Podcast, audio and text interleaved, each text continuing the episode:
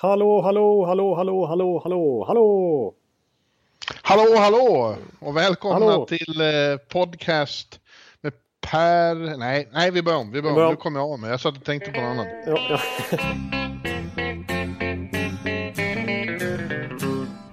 Hello out there, we're on the air. It's hockey night tonight.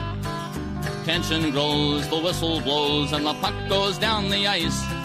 The goalie jumps and the players bump, and the fans all go insane. Someone roars, Bobby scores at the good old hockey game.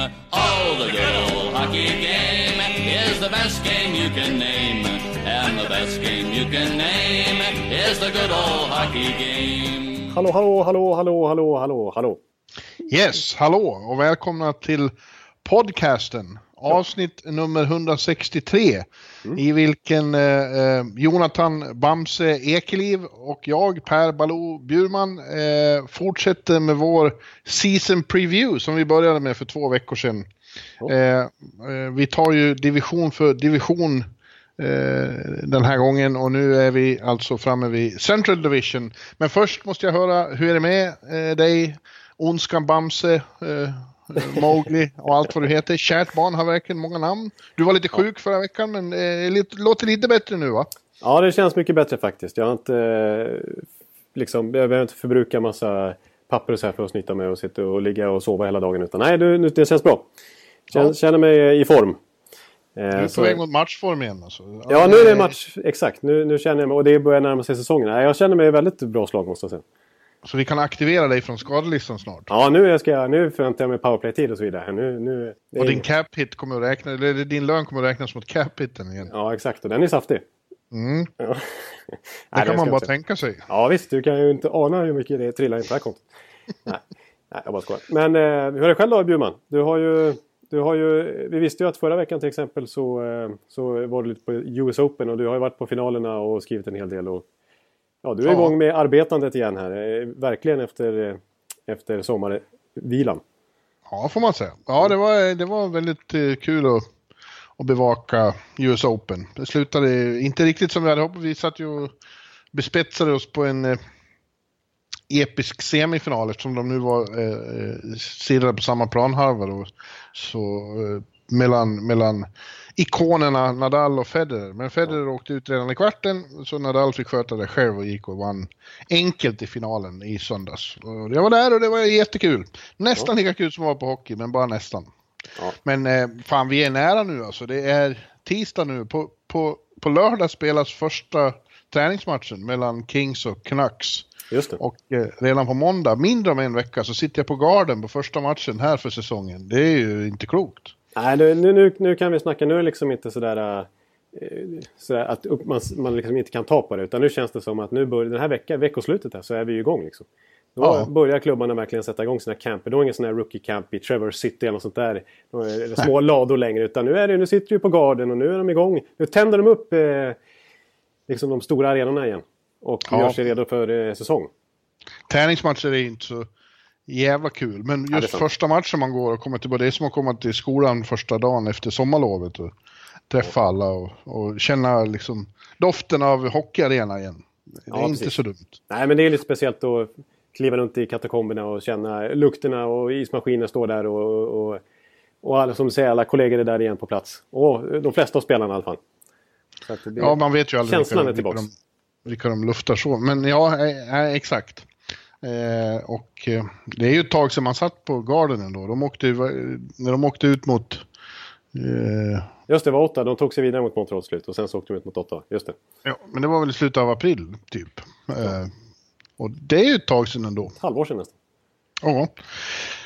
Det ska bli kul. Själv har du haft en eh, nervös helg, eller hur? Det var ju en eh, kraftig orkan som drog in över Florida och länge såg det ut som det var rena domedagsscenariot för Tampa. Och det pratades framförallt om att eh, enorma översvämningar skulle kunna drabba denna i sammanhanget vänlösa stad som ju bara är omgiven av vatten och floder och bukter och allt vad det är. Så att, hade det gått riktigt illa så hade downtown Tampa blivit ordentligt eh, översvämmat, inklusive Amalia, eh, Amalia. Det hade kunnat bli problem inför eh, eh, säsongspremiär och så. Absolut. Men det, gick, men det gick bättre än eh, man hade hoppats. Ja, absolut. Det är bättre än man hade befarat snarare. ja, nu, nu, nu tyckte du fel. Ja, precis. det gick mycket bättre ja. än man hade hoppats. Eller, nej, nej, nej, men nu är det mitt fel. Aj, aj, aj. Jag som hävdar att jag är i form här efter förra veckans debacle. Det, det gick bättre än befarat. Ja, så, så nöjer vi oss med att, konstatera. Ja. Eh, det, det, det är klart, man har ju sett eh, palmer som har stått hit och dit. Och, och eh, det var märkliga bilder inför stormen när Irma var på väg. För att då sögs ju vattnet ut från bukten. Ja, så det låg ju strandade liksom såna här, vad heter det, sjöelefanter och fiskar och plaskade och visste inte var de skulle ta vägen. Sjöelefanter? Ja, men... Ja, sjölejon heter Sjölejon kanske men det finns något som heter sjöelefanter. Ja, jag vet inte. Ja, precis. Men det var sådana här stora jättedjur liksom. Eh, som, som eh, låg kvar där och inte följde med vattnet. Men sen kom ju vattnet tillbaks. Men som tur var så... Ja, det finns sjöelefanter. Det har du rätt ja, Jag ja, googlade just. Ja, precis. Ja. Mm. ja. Eh, och, och, eh, men och man trodde ju som sagt att det skulle översvämma hela downtown. För det är ju så otroligt nära vattnet. Men eh, jag är mycket, mycket ja. nöjd. Och Tiki-baren som ligger allra värst till. Alltså våran favoritplats som är nästan helig alltså. Eh, ja. Den, den var ju helkörd utifrån rapporterna. Men den står ju kvar också. Ja, det hade varit jävligt tungt om Tiki-baren hade förstörts. Exakt. För det kan även den, den objektiva supporten som du eh, kan ju se fram emot ett Tampa-besök bara av den anledningen. Så att... Ja, verkligen. Men eh, eh laget hade flugit ut i för, förväg. Eh, de hade eh, fixat till sina hus och så. Sina luxuösa hus. Men sen drog de med, innan stormen kom, drog de med ett plan till Nashville. Precis. hela laget och gissar jag deras familjer. De lämnar inte kvar dem. Nej, precis. Och, och detsamma vet jag med Florida där ägaren där såg till att chartra ett eget plan bort med familjerna och materialarna och arenas mm. personal och så vidare för att eh, inte eh, råka ut för Irmas krafter. Nej.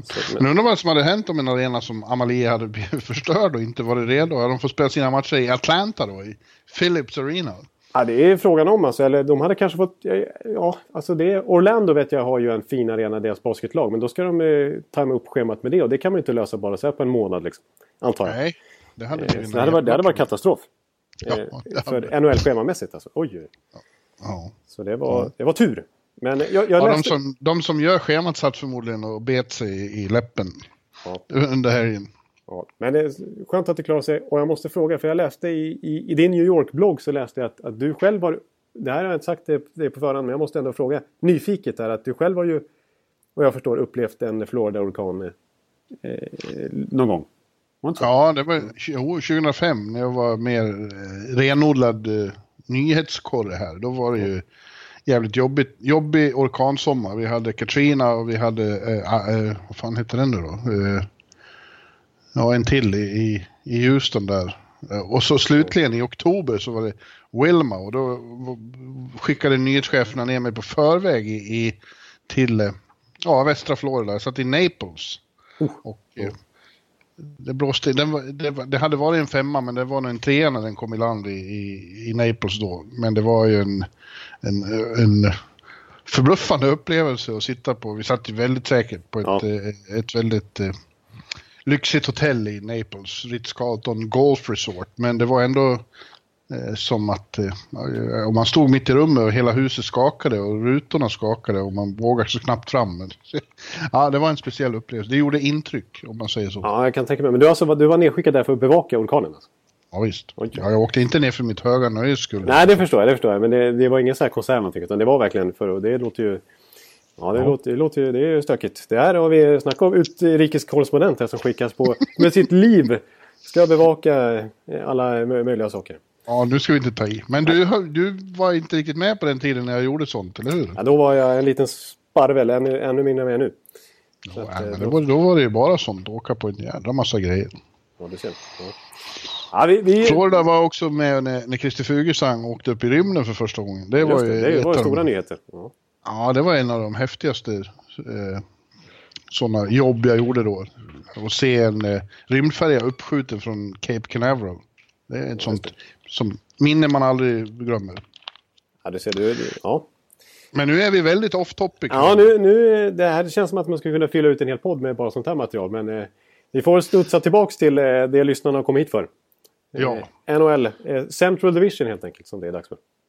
Precis. Eh, den enda division numera som bara, som bara har sju lag. Det är ju 31 lag nu med Vegas då, så att Central är lite rumphugget känns det som. Med sina blott sju, Ja. sju lag. Å andra sidan är många av dem väldigt bra. Det är en svårt konkurrensutsatt division. Och därför så känns det eh, lite ovanligt för laget som vi börjar med. Vi går ju i bokstavsordning. Eh, och då börjar vi med Chicago Blackhawks.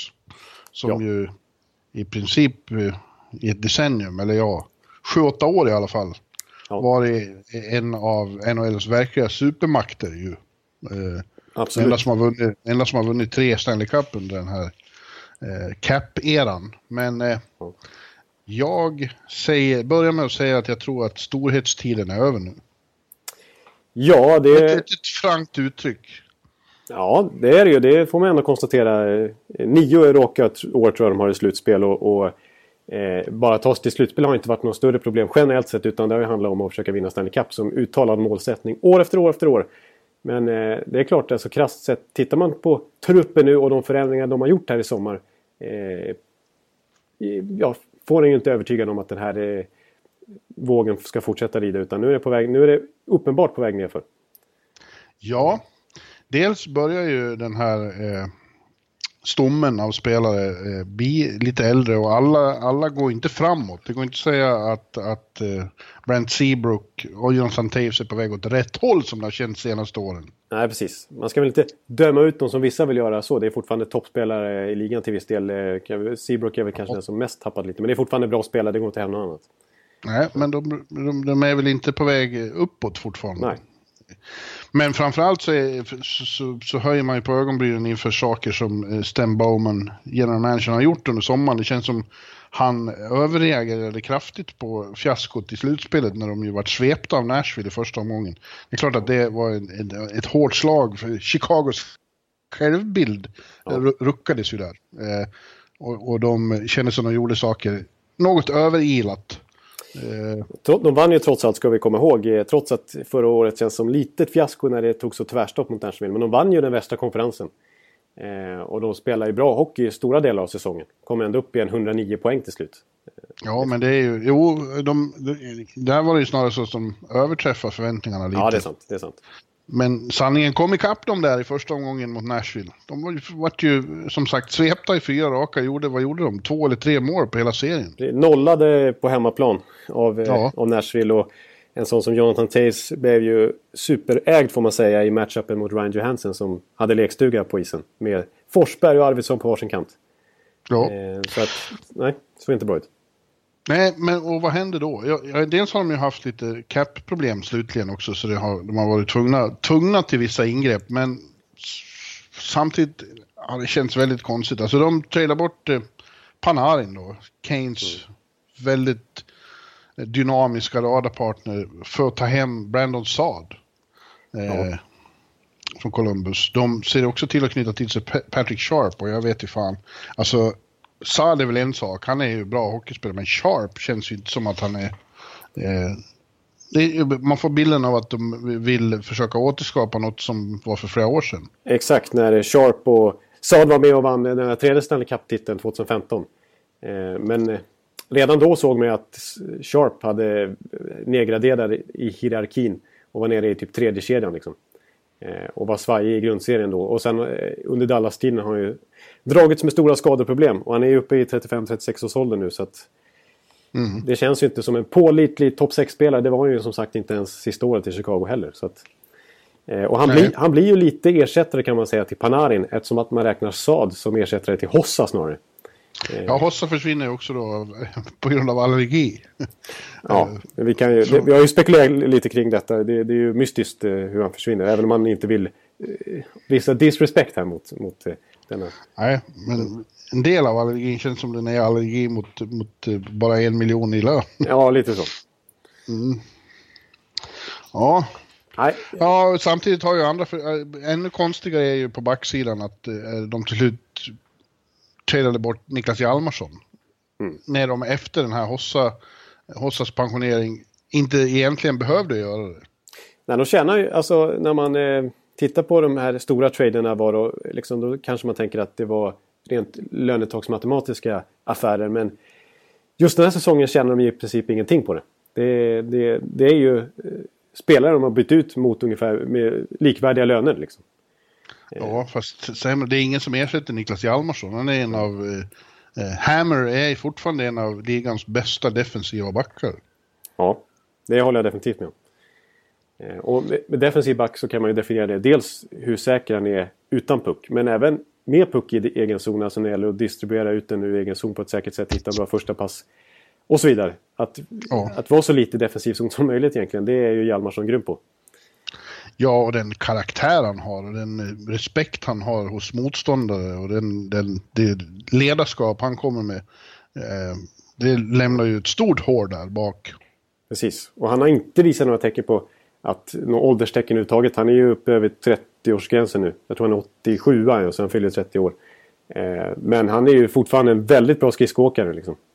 Eh, otroligt eh, stabil och kommer vara det många år framöver, är min känsla. På backsidan har också Brian Campbell försvinner då, han har gått i pension. Eh, Johnny Oduya försvunnit till Ottawa. Och när man tittar nu på backsidan så ser den ju förbryllande klen ut för att vara Chicago faktiskt, eh, på pappret. Ja, de har Duncan Keith och Seabrook. Och Duncan Keith är ju fortfarande en, en femstjärnig back. Ja, det vill jag påstå. Men, men sen ser det inte så jätte... Det är många som måste kliva upp där för att det ska bli bra. Kanske Gustaf Forsling, eh, som började lovande förra året. Eh, ja. Han kanske kan kliva in i en större roll. Det tror jag de förväntar sig att han ska göra. Han är ju en av sex eh, svenska backar som är med på campen nu som börjar här snart. Eh, jag tror de har 19 backar på campen och sex är svenskar. Eh, Erik Gustafsson, Viktor Svedberg, han... Eh, Rob Robin Press, Robin Norell och Karl Dahlström också. Ja. Så det är fullt, fullt med svenska backar som nye AHL-coachen från Mora kommer att få ta hand om. Jeremy Colleton. Mm. Så det är fullt av svenskar. Men, men ja, jag håller med dig där. Alltså, så här, en sån som Michel Kempney som jag snackade upp lite i förra säsongen som de plockade över från KHL. Eh, och som hade imponerat i ett antal VM för Tjeckien och de hoppades få in en liten late bloomer där. En liten halv Panarin som man plockar över från Europa och gör succé i NHL direkt. Men ja, ingen, ingen större succé första säsongen direkt. Och eh, nu har man testat en, en ny tjeck som heter Jan Rutta. Om jag ska uttala ja. det väldigt svenskt. Och eh, då får vi se om han kan överträffa Kempner. Men det är lite sådär, det är ju, det är ju, det är ju frågetecken. Om man ser på backsidan. Ja.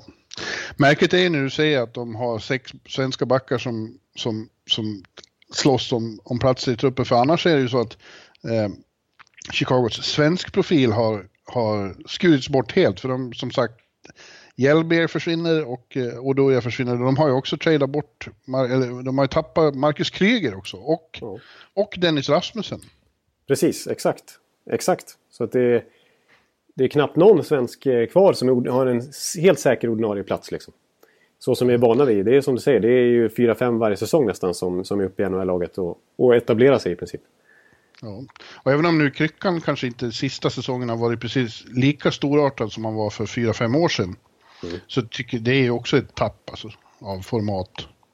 Ja, precis. Det, speciellt sett i den här Alltså den här Chicago-stommen som är van eh, har varit ganska intakt ändå. Så har den skalats av ganska betänkligt senaste åren. Nu har visserligen Saad och, och Sharp kommit tillbaka till exempel. Men ja, det är inte det här gamla klassiska Chicago som vi är vana vid. Det har eh, delvis på grund av lönetaket att göra naturligtvis. Men eh, ja, just, just Hjalmarsson-fallet och även Kryger till viss del. Men framförallt Hjalmarsson då tycker känns ju direkt onödig.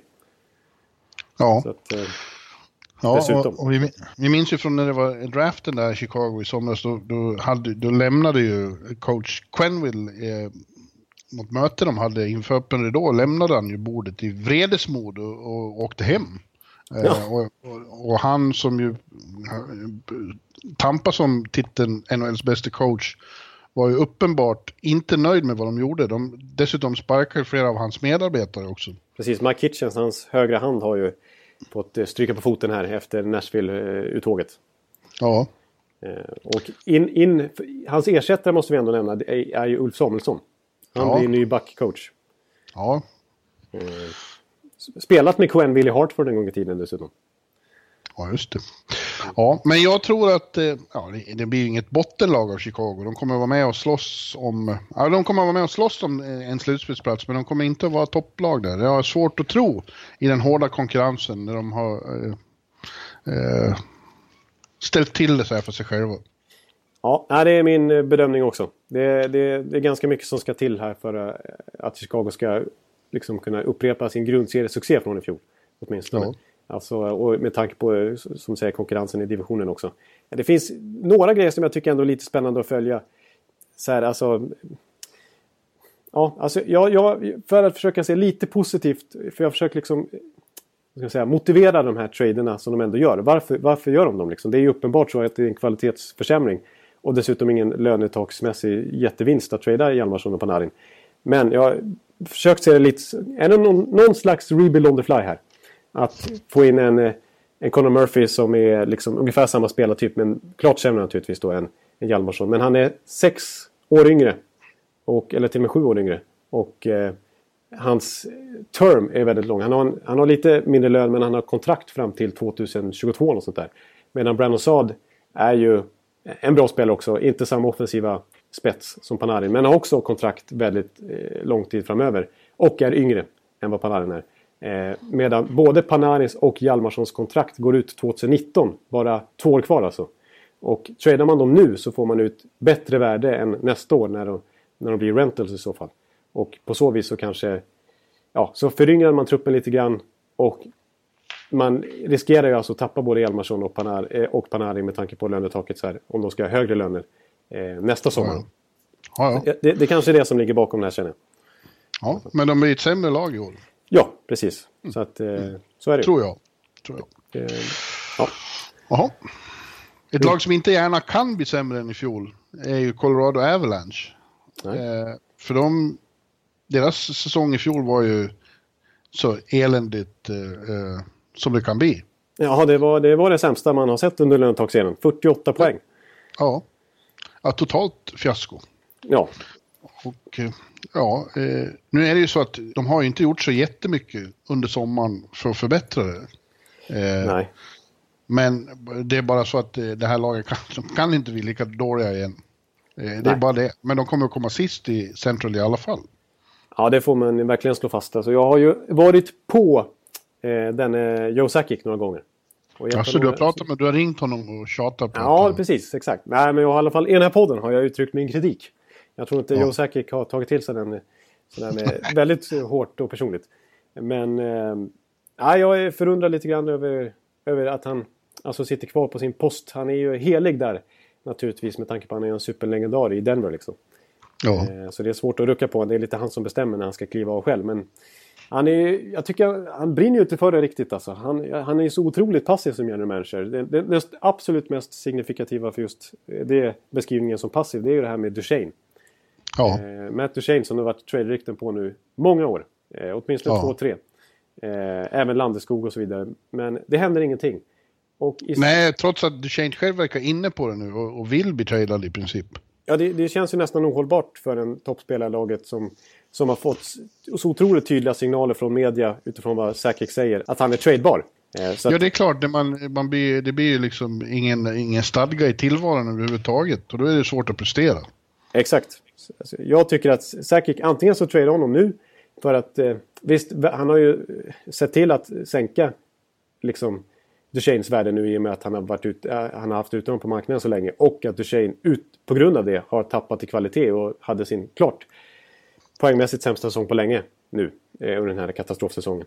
Eh, men också ändå, om man väntar ett år till, ja då är det bara ett år kvar tills Duchene är UFA. Och då blir hans värde inte heller stort liksom. Så att jag tycker att antingen trada nu eller slå fast att han, han ska inte tradas. Det här liksom mjäkiga liksom att han är på, på, marknaden men vi kommer inte släppa honom för vad som helst. Det, det, det skickar inte bra signaler åt något håll tycker jag. Så att man, det måste vara mer bestämt. Liksom, peka med hela handen.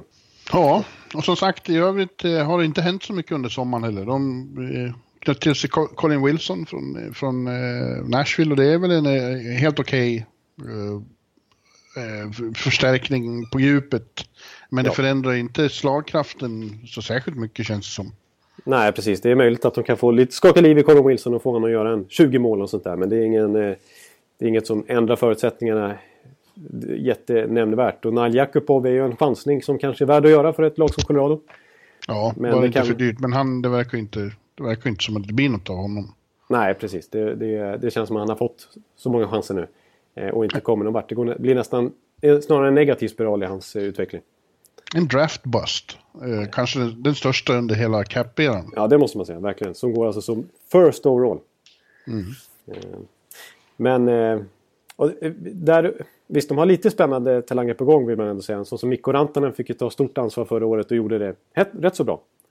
Eh, Och en sån som Sven Andregetto som de fick till sig väldigt billigt mot den ytterst begränsade nor eh, norske spelaren Andreas Martinsen. Jag får eh, förlåta våra norska eh, lyssnare här. Men eh, det är ju ingen stor spelare. Men man fick Sven Andregetto från honom, en ganska ung spännande schweizare som ändå gjorde 16 poäng på 19 matcher. Och har ju lite uppsida. Eh, och så har man lite hyfsade draftval som Tyson Jost eh, senaste åren och Jathy Comfer som är på väg upp. Och man fick Andrei Mironov som var rysk VM-back som man plockar över nu. Eh, Det finns några spännande namn sådär och, och, och, som kan utvecklas. Men det är, det är väldigt tunt och i den här central divisionen så är det hopplöst. Och eh, Jonathan Bernier eh, blir eh, ett bra komplement till Valamov. Ja, exakt. Jo, precis. Och Valamov var ju mycket skadad förra året sådär så att han kan nog studsa tillbaka lite grann. För han, det var ju historiskt dåligt målvaktsspel de hade i fjol också. Ja. ja, det kan inte bli lika dåligt igen. Det, det måste väl vara så att några av de som hade riktigt tuffa säsonger, till exempel Carl Söderberg och, och eh, några till. Hela topplinan där med, jag menar Barry, eh, han var, hade en dålig säsong. Eric Johnson var skadad. Eh, Nathan McKinnon visar ju gång på gång i landslag och i, i eh, Team North America vilken otroligt bra spelare det egentligen är. Eh, Ja, och Matt. Duchene är ju mycket bättre så länge han har stadga i vardagen så att säga. Och Landeskog Ja. har ju mer i sig också naturligtvis. Så att, Ja, de kan väl höja sig lite, men det, det, det kommer inte räcka särskilt långt ändå. nej, precis. Nej. Eh, Nej, avgå alla. Ja, nej, avgå Joe osäkert tycker jag. Nej, men, alltså, men om bara kolla så här till exempel när, när Toronto insåg att vi måste rebuilda lite och göra om lite och bygga om lite grann. Så samlar de på, åtminstone samlar på sig draftval så att de får mycket, har mycket framtidsmöjligheter. Liksom. De hade 11 draftval eller 12 till och med 2016 tror jag. Medan Colorado har ju, har ju inte draft, under Joe Sakics era har de aldrig draftat eh, gjort mer än sina ordinarie sju val. Och i framtiden och i somras var det ingen skillnad på det och fram, framöver har man inte mer än sju draftval i drafterna heller. Så att någon, någon rebuild är det inte tal om. Liksom. Nej. Utan, eh, det är det här bygget som ska... Nej, inte. De som vill vara väldigt optimistiska pekar väl också på att coachen, Bednar, eh, till skillnad från i fjol då när han fick komma in på väldigt kort varsel eftersom eh, vår vän Roy hoppade av väldigt sent. Han får nu, eh, har, har nu fått en hel sommar, en hel försäsong på sig att förbereda det här mer grundligt och att det eh, sku, kan ju vara positivt och, men, men lika stor risk är det ju att det visar sig att han inte är bättre än vad han var i fjol och får sparken fort. Nej, precis. Exakt. Alltså, på det viset var det bra att Säkert har varit lite passiv och, och visat förtroende åtminstone för Bednar och inte ge han all skuld utan ge han en chans som du säger nu från start med försäsong och så vidare istället för att bara slängas in i det. Eh, Så att det, det är möjligt att han kan få ut lite mer av laget nu med bättre förutsättningar. Ja. Ja. ja, sen har vi Dallas Stars då. Eh, hoppet Ja. i Texas som jag tippade i final redan i fjol men eh, det brakade ihop lite grann förra säsongen. Främst på grund av otroligt mycket skador eh, och eh, problem före säsongen med folk som försvann och inte ville vara kvar i Texas. Men Nej. nu känns det som, som de kan inte ha samma otur igen och de har gjort väldigt bra saker i sommar och jag tror att Dallas Stars är en contender igen. Ja, jag håller med dig. Jag, jag har väldigt höga förvänt- förväntningar på det här laget. Alltså. De har gjort en, Ja. en väldigt bra sommar. Och eh, nu har fått tillbaka spelare från skador också. Eh, när man bara tittar på truppen rent krasst på pappret så tycker jag att det... Ja, för mig skulle jag nästan vilja lyfta fram dem som en Stanley Cup-vinnarkandidat. Så pass bra eh, tycker jag att det här laget är. Och finalist i alla fall.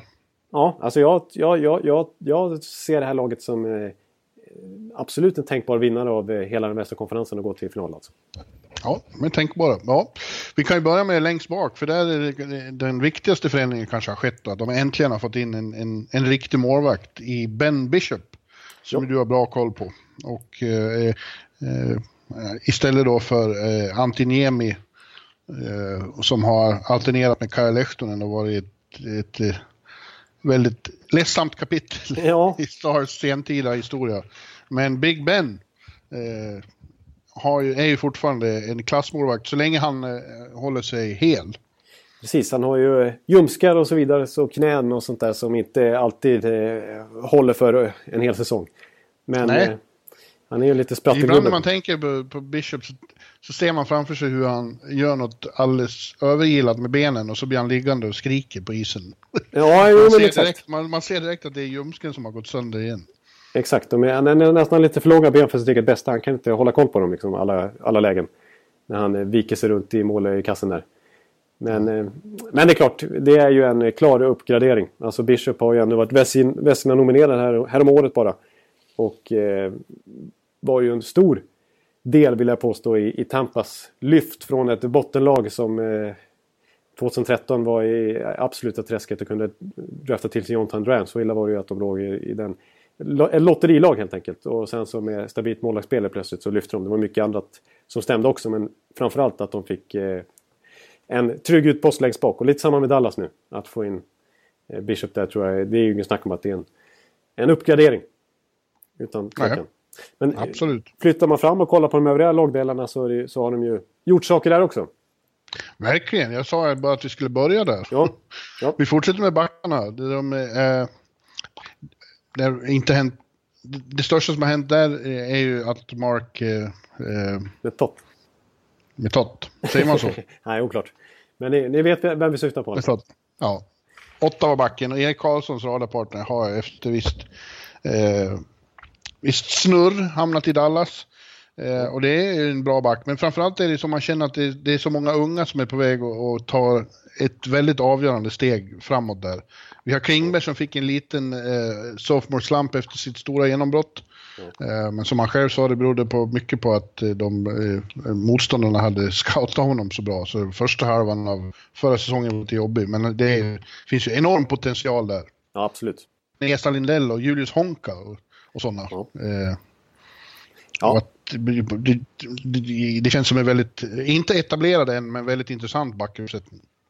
Absolut, det tycker jag. Eh, Esa Lindell och, och Klingberg var ju ett eh, välfungerande backpar i slutet av säsongen. Båda avslutade starkt och Klingberg har sagt att han är spänd på att få linan naturligtvis med Metå eftersom att han naturligtvis är lite liknande speltyp som Erik Karlsson som fungerar bra med Metå. Men samtidigt så sa han att han hade inget emot att fortsätta med Lindell heller. Det funkar ju. Eh, och vår, vän, vår poddvän som eh, alltid lyssnar, eh, Jarko, finländare i sammanhanget, som har varit med en gång i tiden också och snackat lite. Han brukar peka ut en finländare per säsong. Eh, och han har varit väldigt... Alltså, det, han har ju pekat rätt oftast. Och i år, den här säsongen så, så är det just Julius Honka som han håller ett extra öga på. Som han tycker har alldeles för bra spelsinne för att misslyckas i NHL. Liksom. Ja, det tror jag också. Eh, jag, jag, jag var förtjust i honom ända sedan jag hörde hans namn första gången. Ja, precis. Bara Det- för att han har så, bara för att han har så coolt namn. Han har ju ett 5 plus-namn. Det har ju podden varit inne på många gånger. Alltså. Han har ju varit omnämnd länge just på grund av det. Ja. Eh, Men nu känns det som att han eh, pockar på eh, mer speltid och kanske till och med Ja, kanske för att sno lite powerplay-tid av Klingberg också. Ja, ja Hoppas. Kanske. Ja, men framåt har det hänt kanske också väldigt intressanta saker. Om du är klar med backarna. Ja, Eh, framförallt har de, var det ju då eh, Dallas som, som Indien vann dragkampen med Montreal framförallt då om Radulov som kom tillbaka och gjorde, får man säga, succé med Montreal efter sina år i, i, i Ryssland. Och det, det, det visade sig väl att han har mognat både som spelare men kanske framförallt som person utanför isen. Ja. Eh, och var en, en kraft i Montreal. Nu kommer han med all säkerhet då att få spela med Jamie Benn och Tyler Seguin och då, då snackar vi om en av, i alla fall på pappret, NHLs och världens bästa kedjor. ja, det är inget snack om saken. Alltså, jag tycker framåt ser Dallas hyperpotenta ut. Alltså Ja. den första kedjan eh, får en nog att gå igång totalt. Och vilja kolla på varenda match nästan som Dallas spelar. Eh, Ja. eh, Och ett powerplay med Klingberg dessutom. Och utöver, jag, grejen är att jag tycker att alla fyra kedjor ser intressanta ut. För att ska man hitta något positivt med alla skador förra året så var det att vissa spelare fick ta lite större roller än väntat kanske. Och gjorde det bra. Eh, till viss del. Jag tänker på Rosell. Ja, precis. Men han har varit med ett tag. Men, men han gjorde det bra, absolut. Och jag tänker på eh, sån här eh, som... Eh, Brett Ritchie. Brett Rich heter han ju. Ja. Eh, och Radek Faxa som är en per- personlig favorit. Eh, och några till där. Eh, så, ja. De har ett djup här som är väldigt eh, imponerande. Exakt, precis. Och, och så har de dessutom plockat in Martin Hansal, så deras centersida Ja, ser ju väldigt, väldigt stark ut. Vi har ju pratat många gånger om hur viktigt det är att vara starka just i mitten, lite ryggrad i laget. Och där är ju liksom Segin, Spetsa, Hansal, Faxa, Shore. Så att... Eh, Mattias Janmark som kommer tillbaka efter att ha missat hela förra säsongen med en obehaglig höftskada. Eh, precis. Eh, eller var det knä? ja, var, var det knä eller? Ja, Ja, jag, ja, Ja, men han var ju väldigt viktig den här säsongen den där- dessförinnan. Eh, när de gick så bra. Framförallt brukade Klingberg prata väldigt eh, varmt om, om, om Janmarks eh, kvaliteter och hur han dels gav djup och avlastade åt, eh, åt eh, de längst fram. Eh, men är ju en väldigt underskattad spelare tycker jag. Ja, och anpassade sig bra. Så det, det, det var positiva indikationer man verkligen såg från hans första säsong där i, i Dallas. Eh, Ja. Inga problem att ta en tröja där, när han väl fick chansen. Eh, Men, eh, men sen måste man ju naturligtvis komma in på eh, vem det är som står i båset. Ja, jag skulle just säga det att om jag har något frågetecken för Dallas så är det ju det faktum att de bestämde sig för att återanställa Ken Hitchcock. Som kändes som att han skulle gå i pension med sitt sista år i St. Louis där och sen var sparkad mitt under säsongen. Ja. Och kändes som, ja men nu får han väl njuta av barnbarn och sånt. Men nej, han ska tillbaka till laget där han vann eh, Stanley Cup 1999. Det är snart 20 Ja, år det är sedan. länge sedan. Det var en annan hockey då. Ja, och han är ju en väldigt bra coach. Det, det ska ingen ta ifrån honom, alla minns vi. Eh, men men eh, de sista åren i St. Louis, när St. Louis var on the brink och, och verkligen bli en, en finalist, en, en Stanley Cup-contender, så kändes det som att hans lite gammaldags idéer eh, hämmade dem. Och eh, det känns inte som att han, eh, hans ideologi står i, i väldigt samklang med vad Dallas har varit de senaste åren. Nej, precis. Alltså det, jag har, var spontant rätt negativ till den här uh, anställningen måste jag säga. Och jag, I vår sommarpodd där i augusti så, så sa jag, jämförde lite överdrivet om, som att det skulle vara som att Lars Lagerbäck tog över Brasilien i fotboll ungefär. Eh, Men, Ja, det var, det, ja, det, hårda var, ord. det, var, det var hårt, men eh, riktigt så är det inte. Och jag har pendlat till lite mer positivt inställt trots allt nu. För att... Eh, eh, ja, nej men alltså visst. För man måste ju ändå ge Hitchcock att han generellt sett under sin karriär har ett väldigt gott renommé om sig att sätta struktur i ett försvarsspel. Att, eh, att eh, visst, det är en annan hockey nu, men ändå har det, det fungerade ju bra i St. Louis totalt sett. Under hans sexåriga period där så tror jag att de hade bäst boxplay till exempel i hela NHL totalt sett. Eh, och eh, även om det var en svag start när han till slut fick sparken så, i St. Louis så, eh, så, så känns det som att, han, att, det, att det kan fungera här i Dallas för honom. Om jag ska bara vara så, så konkret så var det så att han i sista säsongen gick han ju över, av någon konstig anledning, till ett man, manförsvar istället för hans gamla klassiska zonförsvar. Och då sket det sig direkt. Och sen så Mike, Mike Joes första liksom, förändring i, i spelet det var ju att gå tillbaka till zon- zonförsvar. Och då gick St. Louis till slutspel. Så jag tror inte att han kommer testa det, den varianten med Klingberg och gänget i Dallas. Däremot så kommer han sätta upp väldigt tydliga riktlinjer för hur spelet ska se ut. Och där har ju Klingberg uttryckt faktiskt väldigt positiva tongångar kring. Att eh, det är precis det de behövde. Linderuff erbjöd inte riktigt det så förra året. Utan det var lite mer offensiv hockey då. Nu kommer det bli mer utpräglat, mer dis, dis, krävas mer disciplin och, och, och mycket mer lin, linjerat liksom vad de ska göra. Ja, det, det, det gick ju faktiskt bättre än vad vi trodde när Anaheim inf- inför förra säsongen plockade hem eh, sin gamla mästercoach. Carlisle. Ja. Randy Carlisle. Vi trodde inte på det heller, men eh, det gick ju jättebra.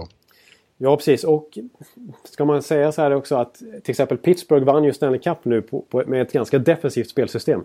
De hade, de hade enorm fire, firepower offensivt med både Malkin och Crosby, den lyxen i varsin kedja liksom. Och, och bredd totalt sett på forwardsidan. Och en ganska svag backsida på pappret.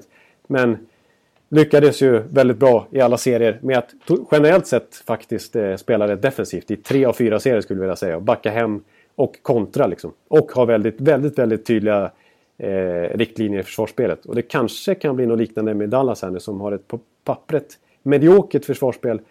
Men otrolig firepower offensivt. Och det kanske klarar sig. Om man har sån kreativitet framåt så kanske det, de kommer göra mål trots att man har ett defensivt spelsystem. Ja, ja vi, eh, vi sätter en guldstjärna eh, i kanten för Dallas Stars. En mycket intressant säsong. Ja, jag, jag, har, jag måste säga att det är min favorit i den här divisionen som vi pratar om idag i alla fall. Det skulle jag säga. Hopp. Ja, ja. Och jag har nog satt dem etta också i, i Central. Flexibility is great. That's why there's yoga. Flexibility for your insurance coverage is great too. That's why there's United Healthcare Insurance Plans.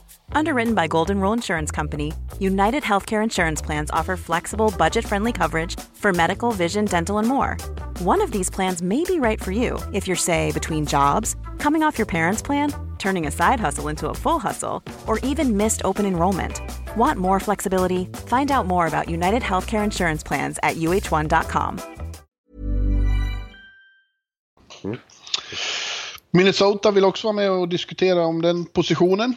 Eh, de gjorde ju eh, en fantastisk grundserie förra året, men det sket sig i slutspelet igen och Minnesota börjar, börjar riskera att hamna i det här Washington och få ut San Jose-facket som ett fantastiskt bra eh, grundserielag som sen inte levererar i slutspelet till en passionerad fanskaras stora frustration. Ja, precis. Och det understryks ju extra tydligt den stämpeln när Bruce Boudreau står i båset. Ja. Som har samma ja, stämpel på han, sig. Ja, att han hamnar i de situationerna hela tiden. Att han inte kan komma till ett lag som vet hur man vinner när det väl gäller. Nej, precis. För det, det var ingen eh, roligt, eh, rolig sorti eh, förra säsongen när de, det tog tvärstopp mot St. Louis. Eh, efter en eh, otroligt eh, vass start för Boudreau och Wild på grundserien. Alltså de ledde ju NHL var efter drygt halva säsongen tror jag. och allt stämde. Ja. Och man, man kände ju att Minnesota var en verklig contender. Men när, väl, när det väl blev vår så, så knöt det sig på, på alla håll och punkter. Inte ens Dubnik var bra i kassen längre. Nej, men, ja, men det slutade med att hela säsongen tror jag var den bästa i organisationens historia vad gäller poäng och, ja. och, och så. Ja. Nej, så det, det, är klart, och tittar man på truppen nu så, så, ser det ju bra ut. Tycker jag, generellt sett. Alltså, Minnesota är starka liksom över alla tre lagdelar. Tycker jag. Ja, men de har ju tappat lite också eh, på grund av cap och expansion draft. Så det är några namn som, eh, som känns lite tråkiga att tappa. Eh, framförallt Scandella som back. Ja, han är... Jo, men det är klart. Det är en bra back. Och ja. deras djup på backsidan är, var ju en stor framgångsfaktor. Mm. och det är en bra back. sen... Och alltså, Pominville Visst, de fick Ennis och Foligno utbyte som kan vara, som om de studsar tillbaks, kan eh, bli bra middle six-spelare för Wild. Men Pomerville gjorde, han hade en fin säsong förra året ändå. Bidrog med mycket mål och sådär. Så, det, det, det, är ju en, inte en spelare för framtiden, men på kort sikt så, så är det ett tapp. Eh, ja. Och de tappade ju faktiskt Erik Haula och en stor talang i Alex Tuck i, till Vegas också då, i expansion-draften. Ja. Men å andra sidan så har de ju några som kommer underifrån och då tänker jag framförallt på Joel Eriksson Ek som ju var väldigt bra de matcher han, han fick ju några chanser förra året i början och i slutet. Ja. Eh, nu kommer han med från början och kommer att vara, ja är, han är ju faktiskt Calder Trophy-kandidat som någon pekade på eh, någonstans. Det är han ju. Ja, precis. Jag är lite spänd på att se vilken roll han kommer få Joel Eriksson Ek för att han kanske Grejen är med, med han att jag tycker han har väldigt fin offensiva kvaliteter. Alltså hans skott, hans release är ju nästan så här Filip Forsberg-klass. Alltså ovanligt bra för att vara en svensk spelare. Alltså, det är lite såhär nordamerikanskt snitt på hans bössa tycker jag. Eh, mm. På att eh, skicka upp missiler i nättaket liksom. Eh, men samtidigt så är han ju väldigt bra tvåvägsspelare och kan med, på ett väldigt gott sätt hantera en tredje centerroll eller fjärde centerroll. Lite den som han fick nu när han kom in.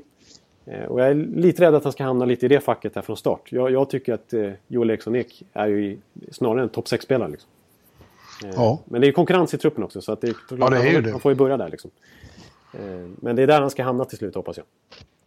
Ja, ja nej men du, du, du i övrigt så det känns ju som de kommer, om, om alla fortsätter hålla samma klass som Granlund som var, hade väl genom, stora genombrott i fjol. Ja. Eh, Mikael Coyle var väldigt bra, Niederreiter, Coyle. Eh, ja, alltså... Det, det, känns som de kommer att vara ett väldigt bra grundserielag igen, men som, som kommer tillbaka till det här med Boudreau och så. De, de måste leverera i slutspelet och jag, jag törs inte påstå att de kommer att göra det. Nej, för det, det, man kan ju inte peka på massa grejer i truppen som sagt då, som har hänt som, som tyder på att oj vilken skillnad liksom. Nej, om något så är det lite, lite, lite, lite sämre i så fall. Ja, faktiskt eh, kanske. Det beror på lite också hur de unga spelarna som kommer in här. De har faktiskt en fin prospect pool. Eh, vad de kan uträtta. Och så är det ju fortfarande... Jag kommer ihåg i, i, förra, i förra årets preview-podd och säkert året innan det också så har jag efterlyst att, att den här generationen med just Granlund och Niederreiter och Coil och Zucker och så vidare, Damba, att de ska ta, steppa upp och liksom inte fastna lite grann som jag tyckte att de hamnade i den här Detroit-fåran. Där deras nya stomme tacklade ja, av lite grann, lite som eh, Tatar och gänget. Eh, men helt plötsligt så, så fick ju verkligen Boudreau för all, Alla rubriker fick ju i princip Granlund då, i och med att han gjorde 69 poäng. Bäst i laget, var grym. Eh, men då ska, jag, jag har faktiskt skrivit upp här vad, alltså vilken enorm produktionsskillnad det var för alla de här killarna. Att de verkligen steppade upp som jag efterlyste då förra året. Alltså Granlund gick från 44 till 69 poäng. Niederreiter från 43 till 57 poäng. Cole från 42 till 56 poäng. Zucker från 23 till 47 poäng. Det är liksom mm. 20 poängs lyft för hela gänget, minst. Eh, så att eh, där ska väl Boudreau ha cred naturligtvis också. Eh. Men i, i, istället gick Zach Parise tillbaks lite, eller hur? Ja, det gjorde han. Det, det är ju ett orosmoln lite grann för, för Wild. För trots allt så är det så att 20% av den här klubbens lönekaka äts upp av Zach Parise och Ryan Suder. Deras enorma kontrakt som de skrev för några år sedan. Mm. Och eh, Suder var väl helt okej okay förra året. Även om man märker på honom att han börjar tackla av lite, lite, lite grann. Eh, fortfarande en toppback i ligan dock. Eh, men Zach Parisi. Åtta i den interna poängligan. Hade alla de här killarna framför sig som jag nämnt. Eh, inte alls den där elitmålskytten som, som man trodde, som man värvade honom som. Eh, en franchise-forward liksom. Eh, där är det ju väldigt oroväckande att han har gått så oerhört eh, tungt bakåt. Det är nästan lite så här Le Cavalier Heatley-vibbar liksom. Ja. På hans eh, utvecklingskurva nu. Så att eh, han måste plana ut och börja, och eller till och med studsa tillbaks naturligtvis då för att eh, det, är väldigt oroväckande. Speciellt med tanke på hur hög lön han har. Ja. Högstal. Eh, gick det väl ändå hygg, hyggligt för? Ja, det var ju en, en chansning som verkligen gick hem. Mm. Eh, inte, inte den, ja, nej, men lite grann den gamla Eriksdal som är ändå uppe på en 65 poäng. Och avlastade ju Mikko Koivu som på centersidan, verkligen. Eh, ja.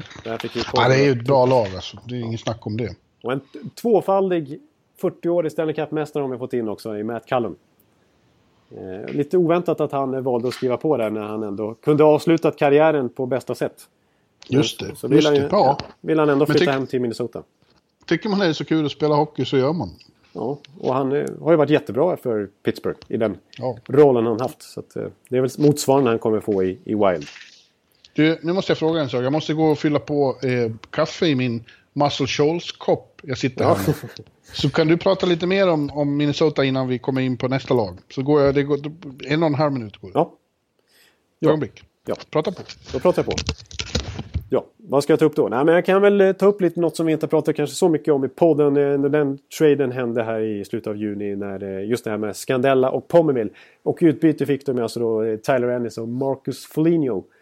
Och jag gillar de här spelarna hyfsat ändå. Även om de har inte blivit vad man trodde när de kom fram i ligan. Alltså Marcus Foligno han är ju en bottom six-spelare och en, energi, en powerforward. Eh, och det är väl kanske där han ska vara, men han, har inte, han, har inte, han är ungefär lika bra som han kom in i ligan. Tyler Ennis däremot. Vem pratar du om nu? Ja, nu kommer jag in på Tyler Ennis. Ja, okej. Okay. Eh, som, som men, ja, men du sa ju Tyler Ennis däremot. Då hade du pratat ja, då hade jag pratat om, Marcus Foligno lite grann bara. Ja, okej, okay. Okay. Eh, men Tyler Ennis däremot var ju jättespännande när han kom fram. En riktig speedkula. Kändes som att han skulle passa perfekt i den moderna ishockeyn som går snabbare och snabbare. Men sen åkte han på hjärnskakningsproblem och har varit eh, halvdassig sen dess. Inte riktigt kommit tillbaka. Förra året bara spelade han typ 12-13 minuter per match och kom upp i 15-talet poäng bara. Men kan de få igång Tyler Ennis, som är för övrigt Bonos-polare och bästa vän med Jared Spurgeon i Minnesota. Så kan det vara en liten sneaky good värvning där. Och mm. eh, bidra med, med värdefull secondary scoring. Så att eh, kan bli bra. En, en spelare att hålla koll på. Yes. Får jag bara som parentes här säga att nu, eh, jag fick en, en tweet här från Henrik Henriksson, heter han. Som ja. varje dag nu eh, skriver på min eh, Twitter. T22 står det nu. Det är 22 dagar kvar till premiär. Men då skriver han också, när kommer nästa poddavsnitt ut Per? Och nu svarar jag, som vi, mitt i det här, spelas in as we speak, Henrik. Oh! Den Nu stor. vet du det. Ja, nu vet han det. Så kommer han med i, i, i podden här också. När vi trampar vidare till Nashville i Central Tennessee. Och eh, Ja.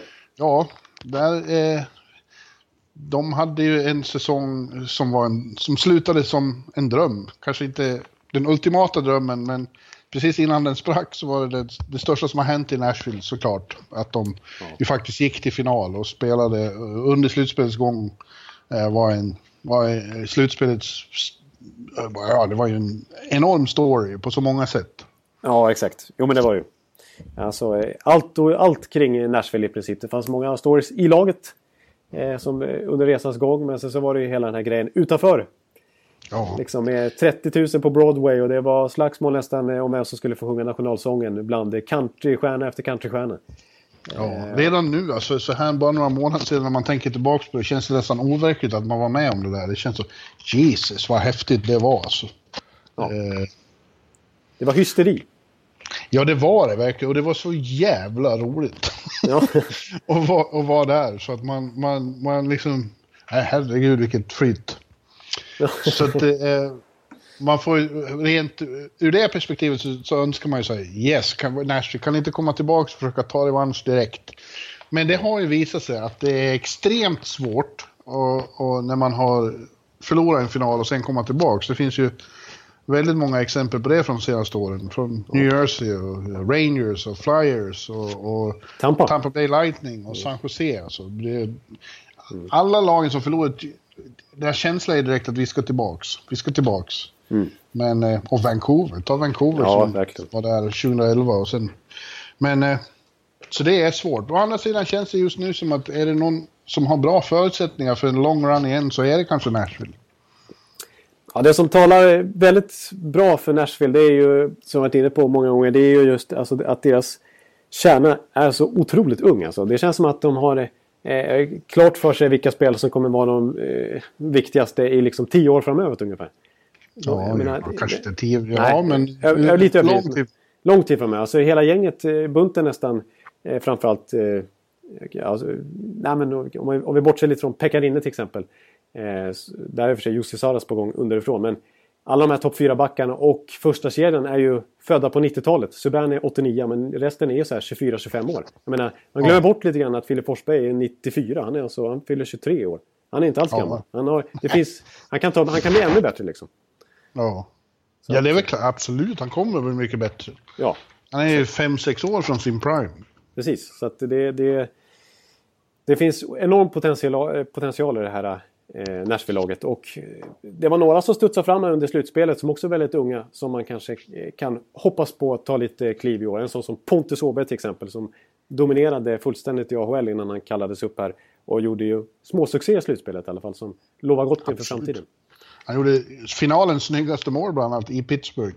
Exakt, bara en sån sak. Liggande. Men ja, men det kom ju upp nya som ingen hade trott eh, skulle vara i A-laget, eller A-laget, i, i NHL-laget överhuvudtaget som Fredrik Gaudreau och Colton Sissons. Ja. De, de, de tog ju enormt ansvar på grund av skadorna då, när framförallt Ryan Johansson men även Fischer försvann.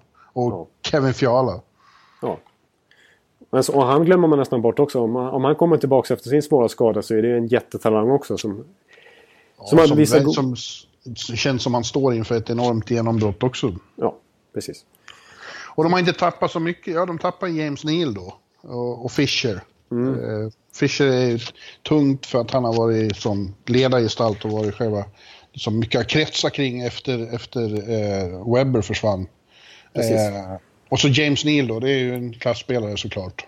Men Ja, de har fått in Nick Bonino. Känns som en fullgod ersättare för Fischer, hockeymässigt i alla fall. absolut, absolut.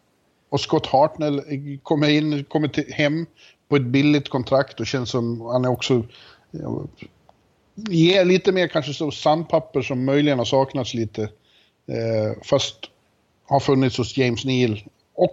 Och Hartnell är också någon ledarkaraktär som verkar sprida väldigt god stämning i omklädningsrummen där han är. Ja, precis, han har ju varit extremt eh, populär i alla lag han har varit i, Hartnell, sen ja. tidigare. Och det, eh, och... jag, skulle, jag skulle vilja säga att de har samma slagkraft igen.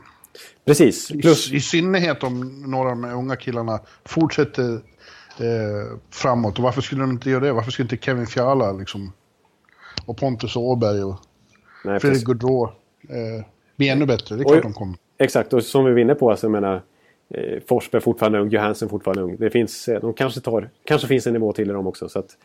Och, Hackspettel från Kusmark. Ja. Arvidsson. Fjolårssensationen nummer ett i nästan hela NHL. Ja. Eh, och, och, han, han tror jag kanske visserligen inte har riktigt eh, skillsen för att eh, ta nästa steg och göra, liksom, bli en 70-80 poängspelare. Jag tror han ligger kring 60 poäng, men han är ändå en spelare som alla lag i hela NHL skulle vilja ha i sin trupp. Och kunna betala ja. rätt stora pengar för ändå, för att det är just den här, hans skill som nästan ingen annan har, det är just den här eh, batteriet man bara sätter in i honom och så kör ju han oavbrutet i 82 omgångar plus slutspel. Ja, grejen är att man kan inte så... Det, det är ingen större risk att det blir sån här, som vi sa om Klingberg, att de scoutar honom så bra. För det, eh, det går inte att scouta bort hans energi och, och liksom ettrighet. Precis, exakt. Och, och visst, nej precis. Och, alltså, visst, han funkar otroligt bra i den här första kedjan, den så kallade Jofa-kedjan. Så det är klart han ska spela kvar där. Men vill man få igång någon annan kedja är det nästan bara att slänga in Arvidsson där. För han lyfter sina lagkamrater med sitt driv liksom. Han får igång den omgivningen han befinner sig i. Eh, mm. Tycker jag nästan hela tiden. Så det är extremt värdefullt spelare för detta Nashville. Speciellt nu när det kanske är en liten baksmälla i början av säsongen.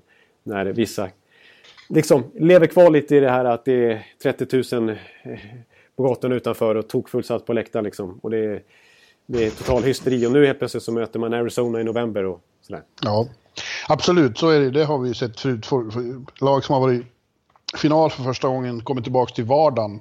Ja. Då, och, och spelar träningsmatcher som de ska göra nu. Eh, då är, då är det svårt att tända till på tillbörligt sätt. Det är många som har erkänt det i efterhand. Till, till exempel Tampa. Ja. Det var inte så kul att komma tillbaka och spela träningsmatcher direkt. Nej. Och dessutom så kommer de ju få starta med all säkerhet utan, utan Ryan Ellis då, som är skadad ja. och inte kommer vara klar från start. Han kan bli borta halva säsongen. Som, ja. Helt det, det är också en av deras styrkor, du var väl inne på det lite. Deras fyra top four på backsidan, det är ingen som kan tävla med dem i hela ligan om, om den kvaliteten. Nej, Josie, Subban, Ekholm och Ellis. Ja, exakt. Det är ju ändå Nashvilles USP. Att de har eh, eh, deras topp fyra backar. Det var ju de som tog dem. Eh, ska man peka ut någonting så är det ändå backarna som är deras eh, stora slagstyrka. Liksom. Mm. Eh, och att, att de har så enorm kvalitet där. Det, och det räcker ju ofta med fyra backar liksom. De kunde spela alla de, två, alla de fyra 25 minuter per match och så räckte det med 10 minuter åt sista backparet. Men det är klart, det är en liten smäll nu med att Ellis är borta här i början. Men nej, Nashvilles eh, slagkraft är så pass bra att eh, de ska kunna fixa en slutspelsplats igen. Och där, kan ju, där har de ju goda möjligheter att, att ta sig långt. Men Samtidigt så är det ju en annan kravbild nu. Liksom. Jag menar, de tog sig till slutspel som sista lag förra året. Det var inte så att de tokimponerade i grundserien då. Utan de, de 94 poäng var lika mycket som Tampa och Islanders som missade slutspel. Mm. Eh, och eh, nu, nu går de in i den här säsongen med uttalat mål att vinna Stanley Cup. Förra året var det väl att ta sig till slutspel. Eh, så att tankarna kanske som sagt då lever lite grann i en, eh, liksom, med lite högre målbild än tidigare. Och de, får inte, de får inte slarva här i början av säsongen och hamna efter. Utan, Nej. Eh, Man ska också komma ihåg att eh, Peter Lavliette eh, åren efter han har eh, varit i final med sina lag har inte alltid gått bra. Carolina och eh, Philadelphia ja. Mm. har varit eh, samma visa eh, faktiskt. Så att, ja, finns, finns faktiskt, det är ett jättebra lag, jättespännande, ungt lag. Men det finns faktiskt lite orosmål som jag tycker inte är försumbara här. Nej, och Jussi Saros måste ge sin landsman, sin gamle landsman Rinne, eh, bättre backup-stöd i år. Så är det bara. Precis. Måste avlasta honom mer för att Pekka Rinne, eh, han har ju kvalitet, det såg vi ju till exempel i den där serien mot Chicago, då var han ju, eh, han spelade ju gudomligt. Ja, då var han 6 eh, plus. Men, men ju längre slutspelet led desto mer eh, svajigt vart det, eller ojämnt vart det. Han, I finalen var han ju ena, stund, ena matchen fantastisk och nästa så var det, gick allt in. Det var nästan Luongo i 2011. Ja, exakt. Nej, så det känns inte 100% tryck på målvaktssidan men, men eh, kan Saros eh, avlasta ytterligare den här säsongen så, så kan det bli en naturlig och sund generationsväxling där på sikt. Ja, så är Limpan tillbaks. Just det, Limpan är ju, är ju är nere i AHL och de, ja, de har ganska rutinerade AHL-målvakter i Matt O'Connor där också vet jag. Så att eh, det är möjligt att Jussi Saros... Undrar om de kör en Tampa då? När Tampa ville skola in Vasilevski så ville man att han skulle spela så mycket matcher som möjligt. Så då skickar man... Han var uttalad andmålvakt i Tampa. Men när man visste att Bishop skulle stå då skickade man ner Vasilevski i AHL och lät han spela matcher. Och sen så när Bishop skulle vila då kallade man upp Vasilevski igen. Och lät mm. han spela. Så det kanske är liknande att Saros får gå ner i AHL ibland så kallar man upp Lindbäck som reserv. Och sen så när Saros ska spela så får han kallas upp naturligtvis då. Kanske blir en sån modell. I ja. Ja. Ja, och de kommer som vanligt att spela knallhårda matcher mot St. Louis som har blivit något av en, deras värsta eh, rival. Eh, det är två lag som tycker väldigt illa om varandra. Ja. Eh, St. Louis Blues. Som, mm. ja, de gick igenom en, eh, de ömsade lite skinn förra året mitt i steget där när det till slut blev så att den här underliga konstellationen med eh, eh, Mike coach, Joe. Ja. Mike Joe och Hitchcock, eh, att Joe skulle stå och vänta på ett år på att ta över. Men till slut fick han göra det mitt under säsongen. Ja. Och eh, då tyckte jag att då blev ju Blues eh, riktigt bra och attraktiva. Ja. Och ja, jag, jag får för mig att de är lite underskattade i år. Alltså jag har lite svårt att bedöma St. Louis för de är ju ändå bra, det är inget snack om den saken. Eh, och det såg positivt ut under, under eh, Joes grundserievår där han tog över och faktiskt eh, hade lite nya tankar. Han gick tillbaks visserligen till zonförsvar vilket ju var väldigt positivt. Jake Allen kom igång i kassen. Men så gav han ju faktiskt chansen åt lite, lite breddspelare som gjorde det bra i Päijärvi till exempel och Barbashev och några andra AHL-killar som fick större förtroende. Mm. Men sen när det väl var dags för slutspel, då, tycker jag, då gick det ju visserligen bra. De slog ut Minnesota, men sen tog det stopp då mot just Nashville. Eh, men då tyckte jag att han blev lite feg igen och eh, lutade sig tillbaks på Allen och spelade väldigt defensivt. Och så fick, så fick ju återigen de här Barbashev och Pejev till viss del och, och Zach Sanford, de här unga spännande killarna, sitta på läktaren för att istället ge plats åt Ryan Reeves och Kyle Brodziak och Scott Japsel och Robert Bortuso och de här. För mm. att eh, stänga ner istället och spela den typen av hockey. Men vi får se hur, vilket St. Louis vi får se i år. Men det känns ju lite spännande med Joe i alla fall. Ja. Uh, och de har tappat, de har gjort sig av med Ryan Reeves nu. Han har hamnat i Pittsburgh. Ja, han försvann. In med Oskar Sundqvist istället. Ja, just det. Just det, Sunken är ju i, i St. Louis nu. Ja. Kommer få en ordinarie ja. plats. Ja, jag hoppas det. Det tycker jag han har förtjänat efter att trampa på duktigt. Ja, känns ju som en lite modernare spelare än Reeves också. Ja. I lite annat tänk.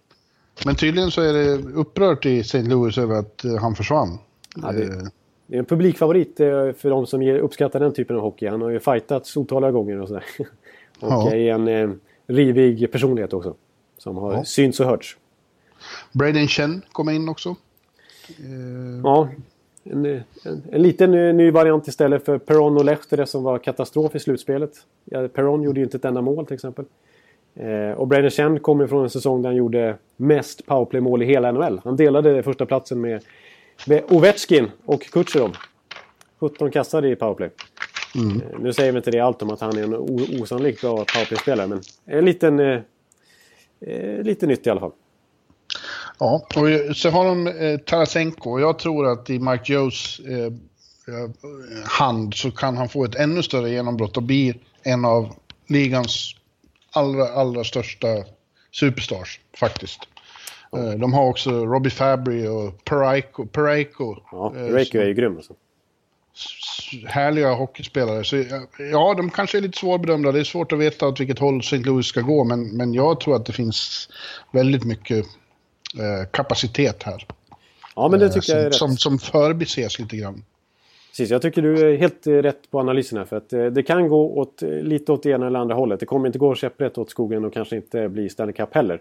Men det finns potential att gå åt ena eller andra hållet. Och då pekar jag till exempel på att dels så måste de här unga killarna som utgör större och större del av bredden eh, eh, ta, ta vara på Joes förtroende nu. Alltså jag tänker på, jag har redan nämnt Barbashev. Eh, mm. Sundqvist också för det, det, som väntas bli ordinarie och, och eh, lite sådär.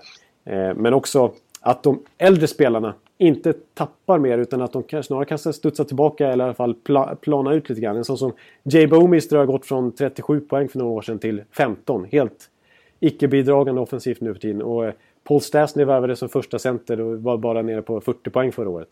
Eh, Alexander Sten hade sin poängmässigt sämsta säsong på väldigt länge.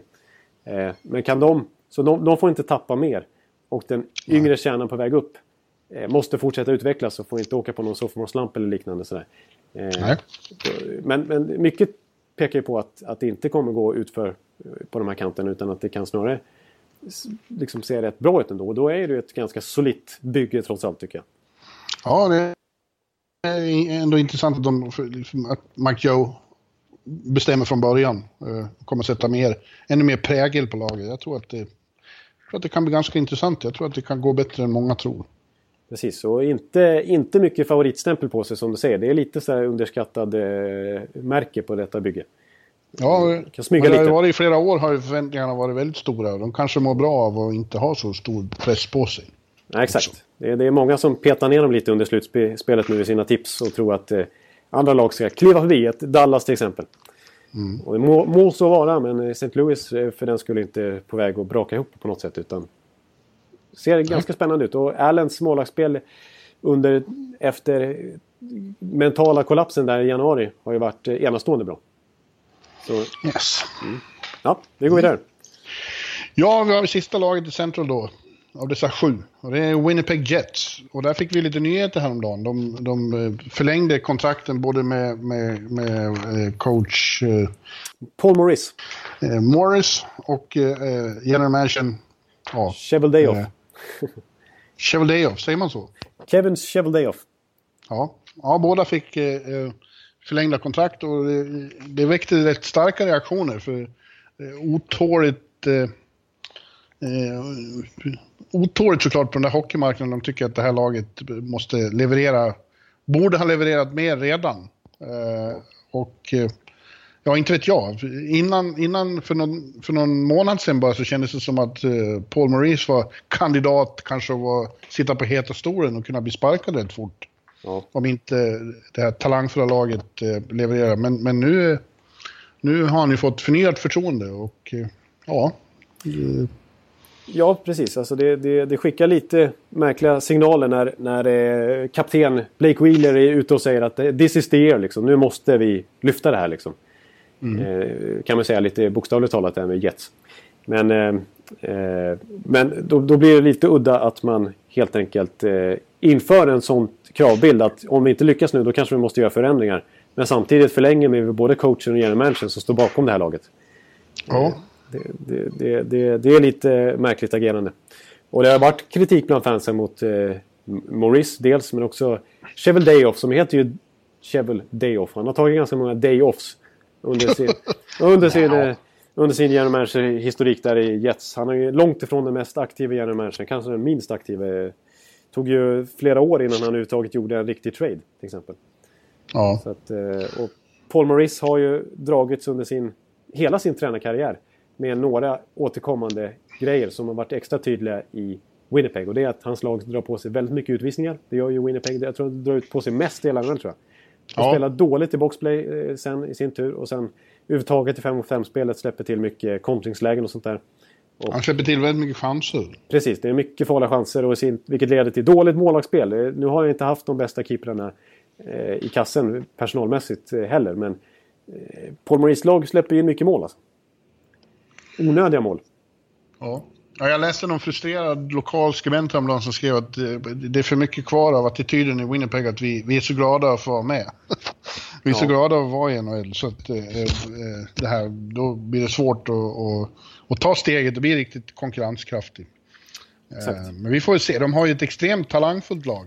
Det är det som är grejen med Winnipeg. De är ju jätteroliga att se på pappret. ja, och herregud, de har ju en eh, på forwardsidan är det ju så fantastiskt förspänt så det liknar ingenting. Alltså Patrik Laine. Ja, Precis. Eh, är ju, har ju en 40 målsäsong i sig direkt nu. Det kan vi ju vara rätt så lugna för. Absolut, han börjar med 36 eller 34 mål han kom upp i förra året, trots hjärnskakning. Ja. Så att, eh, och han är, alltså, han är fortfarande tonåring. Va? Så att, eh, och, eh, och jag menar, Mark Scheifele, han ledde ju poängligan ett tag efter typ två månader och sånt där. Och slutade på över en poäng per match. Och nu läste jag någonstans här att han snackade om att jag ska vinna poängligan i år. Jag ska, jag ska gå förbi både Crosby och McDavid här. Det är inga konstigheter. Och, och Nikolaj Ehlers är ju också väldigt spännande. Fick ju ett genombrott förra året. En av NHLs snabbaste spelare. Ja. Så att, ja. Och, och, då har vi inte ens nämnt Blake Wheeler och Brian Little och så här. Riktigt bra spelare det med. Nej. Eh, jag vet inte riktigt vad jag ska... Du, du nämnde målvakt. Nu, nu, nu satsar de på Steve Mason då. Ja. Som ju ja, har varit både bra och inte så jättebra i Philadelphia. Exakt. Men har stort målvaktsspel i sig och känns ändå som ett litet lyft. Ja. Eh, på backsidan är Bufflin såklart en, en attraktion, men annars... Och, och, och Troba. Men han, har ju, han, vill ju, han vill ju därifrån. Det, det, det är ingen riktigt bra stämning på det sättet. Nej, han gjorde en oväntat bra säsong vill jag ändå säga utifrån att han skrev på först eh, efter en, en och en halv månad typ. Men eh, in på säsongen. Men det, ju, det, känns ju inte klockrent där. Och han var, det var inte populärt i laget hörde vi från bland annat Blake Wheeler då. Och Matthew Perreault var väl allra tydligast och sa att han tyckte det var direkt egoistiskt agerande av Troba. Och det där, han sa ju så här att i omklädningsrummet snackar vi inte gott om eh, Jake Troba liksom. Sa han då inför förra säsongen. Liksom. Så att, eh, och, och när jag ändå säger backsidan där som, som har varit ett problem att de inte varit... Och det kanske är lite Maurice fel också. Så tycker jag att... Nej, bakom den där toppduon så är det lite svajigt också. För jag menar en sån som Tyler Myers som ju var en stor trade de bytte till sig för ett par år sedan. Han spelade ju bara 11 matcher förra året. Med mm. enorma skadeproblem. Eh, och eh, en sån som Tobias Enström som börjar bli lite till åren har ju haft hjärnskakningsproblem. Han har också opererat knät här över sommaren. Och eh, Dmitrij Kulikov som var ju en värvning de gjorde här i somras. Han har ju inte heller sett bra ut senaste åren. Spela, också hade han eh, ryggproblem tror jag förra året. Kom bara upp i 47 matcher och var en ett stor besvikelse för Sabres förra året. Är inte han en sån uh, fancy stats-favorit? Nej, det, nej, det är han inte är. Utan den värvningen var, okay. det, var det, det var där uh, fancy stats-gubbarna i Florida uh, helt enkelt tradade bort honom till, uh, mot en fancy stats-darling i Mark Pysyk. Och då, då tackade ju Buffalo och tog emot för de tyckte att de fick en mycket bättre spelare, en mycket mer etablerad spelare i Kulikov. Medan nu har det visat sig att Pysyk är ju en bättre spelare. Ja. Men, eh, så att jag tycker backsidan är inte är speciellt uppgraderad och det finns stor risk för skadeproblem där. Och eh, Steve Mason, tycker, det känns mycket tryggare med Mason Hellebuck än Hellebuck Hutchinson, eller Pavlets. Ja. Men, eh, men det är inte 5 plus det heller på något sätt. Så att, ja, jag, är, jag är lite tveksam med Maurice eh, i båset här igen att eh, styra det här laget förbi St. Louis och förbi Chicago kanske och förbi eh, Dallas och Nashville, eh, vilka nu de måste passera. Nej, precis, det är ju det. De är ju i den situationen också. Eh, med stenhård konkurrens. Precis. Eh, så det, det måste gå framåt i år. Ja, det måste det. Eh, jag, jag vill, jag, innan vi rundar av här så har jag en spelare som jag vill pusha lite extra för. Eh, som jag tror kommer kanske är en, en liten skräll också på Calder Trophy. som vi inte har nämnt, apropå spännande spelare i Winnipeg. Kyle Connor. Eh, right. kom, kom, direkt från college-ligan förra året och då fick chansen i NHL från start. Men tog den inte då. Han gjorde så här 20-25 matcher. Skickades ner i AHL istället. Och var fantastisk i AHL. Han gjorde eh, nästan, ja vad kom han upp i? 25 mål på 52 matcher ser jag här. Riktigt bra facit och eh, nu har man gett han en plats i topp 6. Allt vad det verkar som från start här. Att det blir, första kedjan blir ju Line, Scheifele, Ehlers. Och sen blir det eh, Wheeler, Little och Connor. Och det, blir en, det är så, verkligen fina förutsättningar för Connor att slå igenom nu. Och där snackar vi också en hypersnabb spelare. Ganska lik Ehlers i spelstilen. Alltså otroligt snabb. Ett typiskt Kyle Connor-mål. Det är en kontring. Han sticker iväg som ett jehu. Eh, de kommer i en två mot ett situation. Pucken spelas över till, till Kyle Connor. Och han sätter 100 av 100 sådana lägen rakt upp i nättaket. På direktskott. Så att jag tror Kyle Connor kommer bli en liten smygsensation den här säsongen för eh, Winnipeg. Coolt. Ja, men eh, då är vi i princip klara. Det är en liten nyhet för dagen här är att eh, Seattles borgmästare har annonsat att det finns en tentative private 660 miljoner dollar deal för, new, för en ny arena i Seattle. Oj, ja, det är faktiskt fantastiska nyheter. För det har man ju bara väntat på att de ska, att till slut ska lösa den där arenafrågan i den där stan. Ja, och Bill Daley, eh, vice kommissionären i NHL, säger att the, the group has confirmed having a strong interest in owning and operating an NHL franchise. We will be continuing to monitor the situation. Jag tror att det, inom ett par år här har vi 32 lag och Seattle kommer att vara eh, nytt lag. De kommer att spela i Pacific och Arizona får flytta över till Central. Det blir ju så. Ja, eh, man, så måste det ju bli. Okej, det blir Arizona som flyttar över. Ja, vem, vem annars? Alla Nej, andra precis, ligger ute på kusten. Nej, exakt. Ja, de ligger ut med där. Ja, precis. Nej, de kan ju inte flytta något av Alberta-lagen liksom. Det blir jättekonstigt.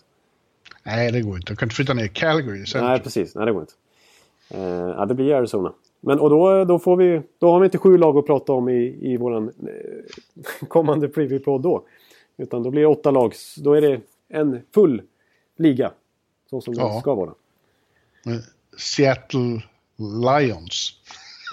ja, jag har ju... Ja, Seattle Wonders som i de gamla ungdomsböckerna. Ja, Gunnar Nordström. Just det. Seattle Wonders, ja. Ja, varför inte? Varför inte? Adam Wallgren i kassen. Ja. ja. ja Precis. Vi, ja. Ja, men du, eh, det återstår ju något år innan vi får prata om dem i Pacific. Men redan första vecka, nästa vecka ska vi prata om nuvarande Pacific.